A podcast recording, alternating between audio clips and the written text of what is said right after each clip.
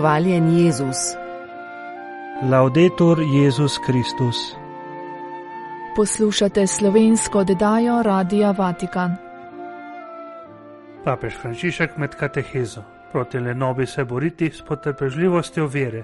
Sveti oče pozdravil kardinala Simonija, živi mučenec, ki si še vedno prizadeva za crkvo. Papež Frančišek na pepelnično sredo. Stopimo z odra pretvarjanja in se vrnimo k srcu. Prisluhnili bomo nadaljevanju papeževe poslanice za postni čas 2024 z naslovom Skozi poščavo nas Bog vodi v svobodo. Sveti oče je v središče kateheze med splošno audienco postavil grešno nagnjenje acidija, ki jo običajno imenujemo lenoba, a kot je pojasnil, je lenoba bolj posledica acidije. Gre za stanje, v katerem človek čuti odpor do vsega, odnos z Bogom postane dolgočasen in tudi najsvetejša dejanja, ki so nekoč ogrevala njegovo srce, se mu zdaj zdijo popolnoma nekorisna. Da bi se zoperstavili acidiji, papež priporoča potrpežljivost vere in opogumlja naj se naslonimo na Jezusa, ki nas v skušnjavi nikoli ne zapusti. Na začetku splošne audience se je bral svetopisemski odlomek iz 26. poglavja Matejevega evangelija. Allora Gesù andò con loro in un podere, chiamato Getsemani. Tedaj je prišel Jezus z njimi na kraj, ki se imenuje Getsemani in jim rekel, sedite tukaj, medtem ko stopim tja in bom molil. Na to je šel k učencem in jih našel speče. Rekel je Petru, eno uro niste mogli bdeti z menoj, čujte in molite, da ne pridete v skušnjavo.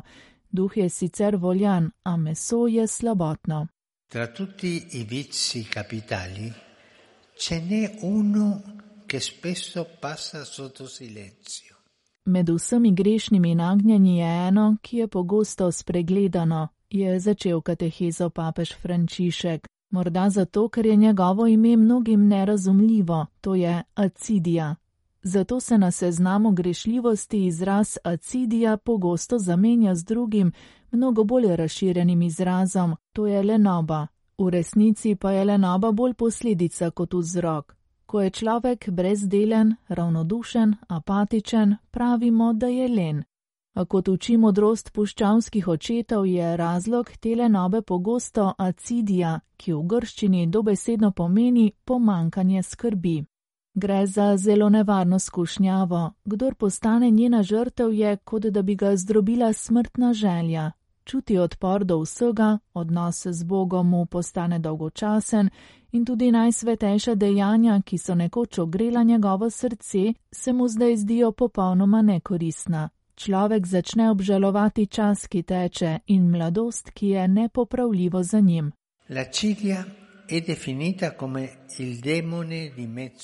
Alcidija je opredeljena kot demon pol dneva. Zaloti nas sredi dneva, ko je utrujenost na vrhuncu in se zdi, da so ure, ki so pred nami, monotone in jih je nemogoče živeti. Menih Evangri je to skušnjavo opisal na naslednji način. Oči lenega človeka so nenehno uprte v okna in v svojih mislih sanjari o obiskovalcih. Ko bere pogosto zeha in ga zlahka premaga spanec, mane si oči, drgne si roke in ko odmakne oči od knjige, gleda v steno.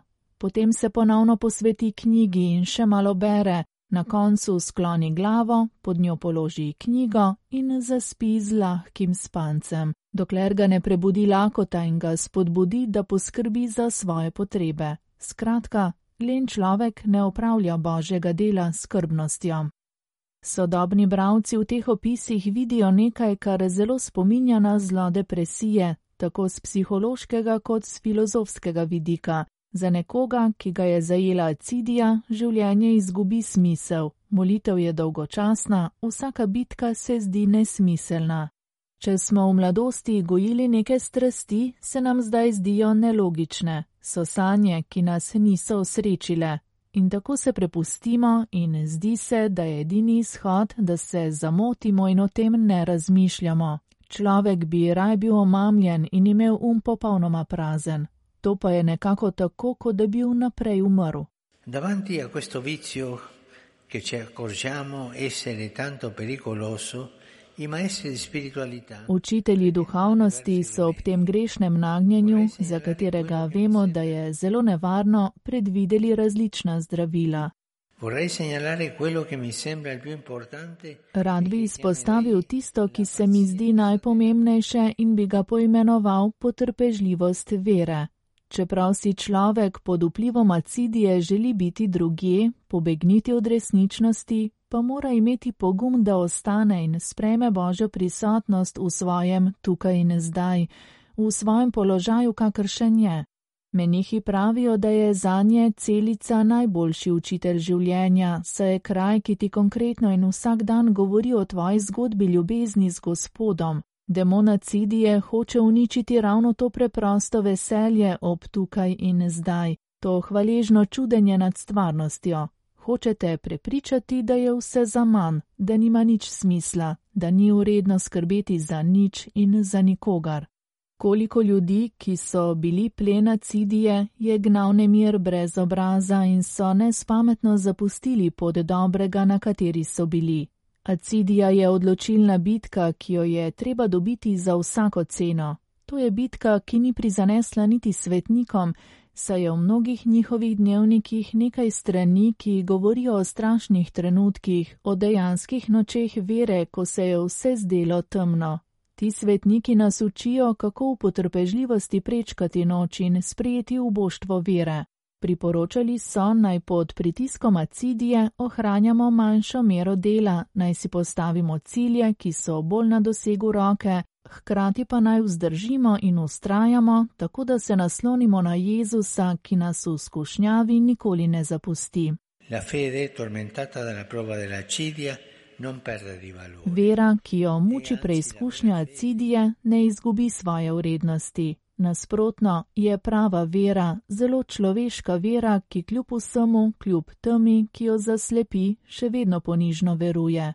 To je tista vera, ki ostane v srcu, kot žerjavica ostane pod pepelom. In če kdo med nami pade v to pregreho ali v skušnjavo acidije, naj poskuša pogledati vase in varovati žerjavico pod pepelom. Tako se hodi naprej. Ob koncu splošne audience je sveti oče spomnil, da se danes začne posni čas, ter povabil naj ta čas živimo kot priložnost za spreobrnjenje in notranjo prenovo, v poslušanju Božje besede ter v skrbi za brate in sestre, ki se nahajajo v velikih potrebah.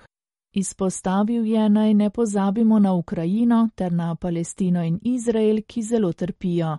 Preghiamo per questi. Molimo za te brate in sestre, ki trpijo zaradi vojne. Nadaljujmo to pot spreobrnjenja s poslušanjem Bože besede, skrbijo za naše brate in sestre v stiski, s pomočjo in okrepljeno molitvijo. Predvsem pa prosimo za dar miru na svetu. Benedicat vos omnipotens Deus, Pater et Filius et Spiritus Sanctus. Papež Frančišek je med splošno audienco posebej pozdravil albanskega kardinala Ernesta Simonija, ki ga je imenoval živi mučenec. Caro fratello. Zahvalil se mu je za pričevanje in dodal, da pri svoji visoki starosti še vedno veliko dela za crkev. Danes 95-letni kardinal je kar 28 let preživel v zaporu v času komunistične diktature. Veljal je za sovražnika naroda in bil aretiran na božični večer leta 1963, ko je daroval sveto mašo v Barbolušu. Obsojen je bil na 18 let samice, zatem je prišla še smrtna obsodba, vendar so mu kazen spremenili v 25 let prisilnega dela v temnih predorih rudnikov spač, na to pa še v kanalizacijskih jaških v skadru. Kardinal Ernest Simoni v teh težkih razmerah ni izgubil vere in ni prekinil svojega duhovniškega služenja. Uspelo mu je celo, da je vsak dan na skrivaj obhajal mašo in spovedoval druge zapornike, nekaterim je postal duhovni oče in jih obhajal s hostijo, ki jo je na skrivaj pripravljal na majhnem štedilniku, za vino pa je uporabljal grozni sok. Na prostost je bil izpuščen 5. septembra leta 1990. Takoj po prihodu iz zapora je potrdil odpuščanje svojim učiteljem in za nje prosil očetovo usmiljenje. Njegovo imenovanje za kardinala, kot je sam želel izpostaviti, je priznanje vsem učencem in preganjanim katoličanom v Albaniji. Sveti oče je na pepelnično sredo v baziliki svete Sabine v Rimu vodil evharistično bogoslužje z obredom pepeljenja. Kot je v navadi, je predtem potekala tudi spokorna procesija z litanijami vseh svetnikov, ki se je pričela v bližnji cerkvi svetega Anzelma. Papež je med homilijo povdaril, da miloščina molitev in post niso zonanja dejanja, ampak so poti, ki nam pomagajo odkriti, da smo pepel, ki ga Bog ljubi. Povabil je naj v postnem času prisluhnemo gospodovemu glasu, odvržemo posvetne preobleke ter se vrnemo k srcu, k temu, kar je bistveno. Quando preghi, quando digiuni, abbia cura che ciò sia fatto nel segreto kadar daješ miloščino, kadar moliš, kadar se postiš, poskrbi, da boš to delal na skrivnem, kaj ti tvoj oče vidi na skrivnem. Vstopi na skrivno. To je povabilo, ki ga Jezus ob začetku postnega časa namenja vsakemu izmed nas. Vstopiti na skrivno pomeni vrniti se k srcu, kot opozarja prerok Joel. Gre za potovanje od zunanjosti v notranjost zato da vse, kar živimo, tudi naš odnos z Bogom, ne bi bilo zreducirano na zunanjost, na okvir brez slike, na prevleko duše, ampak bi se rodilo od znotraj in bi bilo v skladu z vzgibi srca, to je z našimi željami, z našimi mislimi, z našimi občutji, z bistvom naše osebe. Postni čas nas torej potopi v kopel očiščevanja in razgaljevanja. Želi nam pomagati odstraniti vsa tako imenovana ličila vse tisto, kar si nadenemo, da bi bili videti primerni, boljši kot smo. Vrniti se k srcu pomeni vrniti se k svojemu resničnemu jazu in ga pred Bogom pokazati takšnega, kakršen je, gov in razgaljen. Pomeni zazreti se vase in se zavedati, kdo smo v resnici, odstraniti maske, ki jih pogosto nosimo, upočasniti tempo svojega hitenja in objeti resnico o sebi. Življenje ni predstava in postni čas nas vabi naj stopimo z odra pretvarjanja in se vrnemo k srcu, k resnici tega, kar smo. Zato ta večer v duhu molitve in ponižnosti sprejmimo na glavo pepel. Gre za gesto, ki nas želi ponovno privesti k bistvu nas samih. Smo prah. Naše življenje je kot dih. Toda Gospod, On in samo On ne dovoli, da bi izginil. Smo prah, ki ga on zbira in oblikuje, da ga ne bi razpršili siloviti vetrovi življenja in se ne bi raztopil v brezno smrti. Pepel potresa na našo glavo nas vabi, da bi ponovno odkrili skrivnost življenja. Pravi nam, dokler boš nosil oklep, ki prekriva tvoje srce, dokler se boš kamufliral z masko zunanjega videza, dokler boš razkozoval umetno svetlobo, da bi se pokazal nepremagljivega, boš ostal prazen in suh. Ko pa boš imel pogum, da boš sklonil glavo in se zazrl vase, boš lahko odkril navzočnost Boga, ki te ljubi odvedno. Končno se bo oklep, ki si si ga zgradil, razbil in lahko se boš čutil ljubljenega z večno ljubeznijo. Sestra, brat, jaz, ti, vsak izmed nas je ljubljen z večno ljubeznijo. Smo pepel, v katerega je Bog vdahnil svoj dih življenja. Zemlja, ki jo je On izoblikoval s svojimi rokami prah, iz katerega bomo ustali v življenje brez konca, ki je odnegdaj pripravljeno za nas. Smo pepel in če v njem gori ogen Božje ljubezni, potem odkrijemo, da smo s to ljubeznijo prežeti in da smo k ljubezni poklicani. Ljubiti brate in sestre, ki jih imamo ob sebi, biti pozorni na druge, živeti sočutje, izkazovati usmiljenje, podeliti, kar smo in kar imamo s tistimi, ki so v potrebi. Zato se miloščine molitve in posta ne more zreducirati na zunanja dejanja, ampak so poti, ki nas vodijo nazaj k srcu, k bistvu krščanskega življenja. Pomagajo nam odkriti, da smo pepel, ki ga Bog ljubi, ter nas usposabljajo, da isto ljubezen širimo na pepel številnih vsakdanjih situacij, da bi se v njih ponovno rodilo upanje, zaupanje in veselje. Sveti Anzelm iz Aoste nam je zapustil naslednjo spodbudo, ki jo lahko nocoj vzamemo za svojo poskusi pregnati za trenutek svoje skrbi. Otegni se od misli, ki te vznemirjajo. Ne beli si glave zaradi hudih težav. Izbi si za trenutek iz glave sitnosti, ki te tarejo. Posveti ta čas Bogu. Pri njem si, Vzemi si kratek oddih, stopi v kamrico svoje duše, pusti zunaj vse, kar ni Bog in kar te ne vleče k njemu. Zapri vrata, potem pa ga poišči. O moje srce, reci sedaj z vsem, kar si, reci sedaj Bogu, iščem tvoje obličje, tvoje obličje, Gospod, iščem. V tem postnem času torej poslušajmo glas Gospoda, ki se ne naveliča ponavljati. Vstopi na skrivno, vrni se k srcu. Gre za zdravo povabilo namenjeno nam, ki pogosto živimo površinsko, ki se trudimo, da bi bili opaženi, ki moramo biti vedno občudovani in cenjeni. Ne da bi se zavedali, se nam zgodi, da nimamo več skrivnega prostora, kjer bi se lahko ustavili in pazili nase.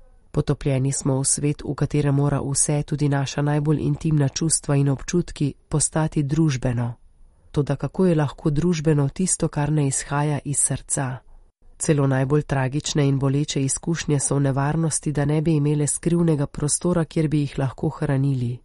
Vse je treba razkriti, razkazati, prepustiti klepetu v določenem trenutku. In prav tu nam Gospod pravi: Vstopi v skrivnost, vrni se v središče samega sebe.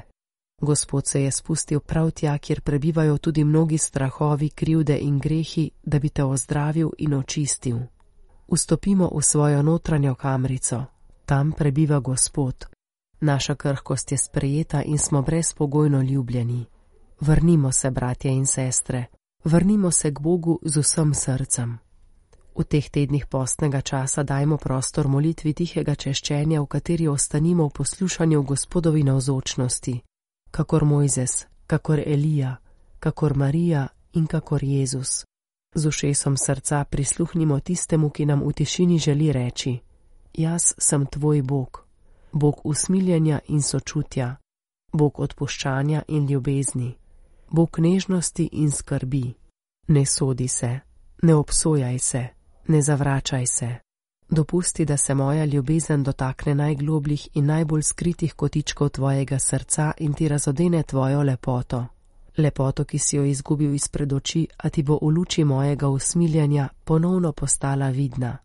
Pridi, pridi, dopusti, da ti osušim solze in da se moje ustnice približajo tvojemu ušesu ter ti rečejo: Jaz te ljubim, ljubim te, ljubim te. Ne bojmo se odvreči posvetnih preoblek in se vrniti k srcu, k bistvenemu. Pomislimo na svetega Frančiška, ki je potem, ko je slekel obleko, z vsem svojim bitjem objel očeta, ki je v nebesih. Priznajmo, da smo to, kar smo, prah, ki ga Bog ljubi. In zahvaljujoč njemu se bomo iz pepela greha prerodili v novo življenje v Jezusu Kristusu in svetem duhu poslanica svetega očeta Frančiška za postni čas 2024 z naslovom Skozi puščavo nas Bog vodi v svobodo. Post je čas milosti, v katerem puščava spet postane kot oznanje prerokov zdaj kraj prve ljubezni. Bog vzgaja svoje ljudstvo, da bi vstopilo iz svoje sužnosti in doživi prehod iz smrti v življenje. Kot ženi nas pogosto priteguje k sebi in našemu srcu še peta besede ljubezni. Izhod iz sožnosti v svobodo ni abstraktna pot. Prvi korak, da bi bil tudi naš post konkreten, je hoteti videti resničnost. Ko je gospod v gorečem grmu pritegnil Mojzesa in mu govoril, se je takoj razodel kot Bog, ki vidi in predvsem posluša. Dobro sem videl stisko svojega ljudstva, ki je v Egiptu, in slišal, kako pije zaradi preganjačev. Da, poznam njegove bolečine, zato sem stopil dol da ga rešim iz rok egipčanov in ga popeljem iz te dežele v lepo in širno deželo, v deželo, v kateri se celita mleko in med. Poslušali ste slovensko oddajo Radia Vatikan.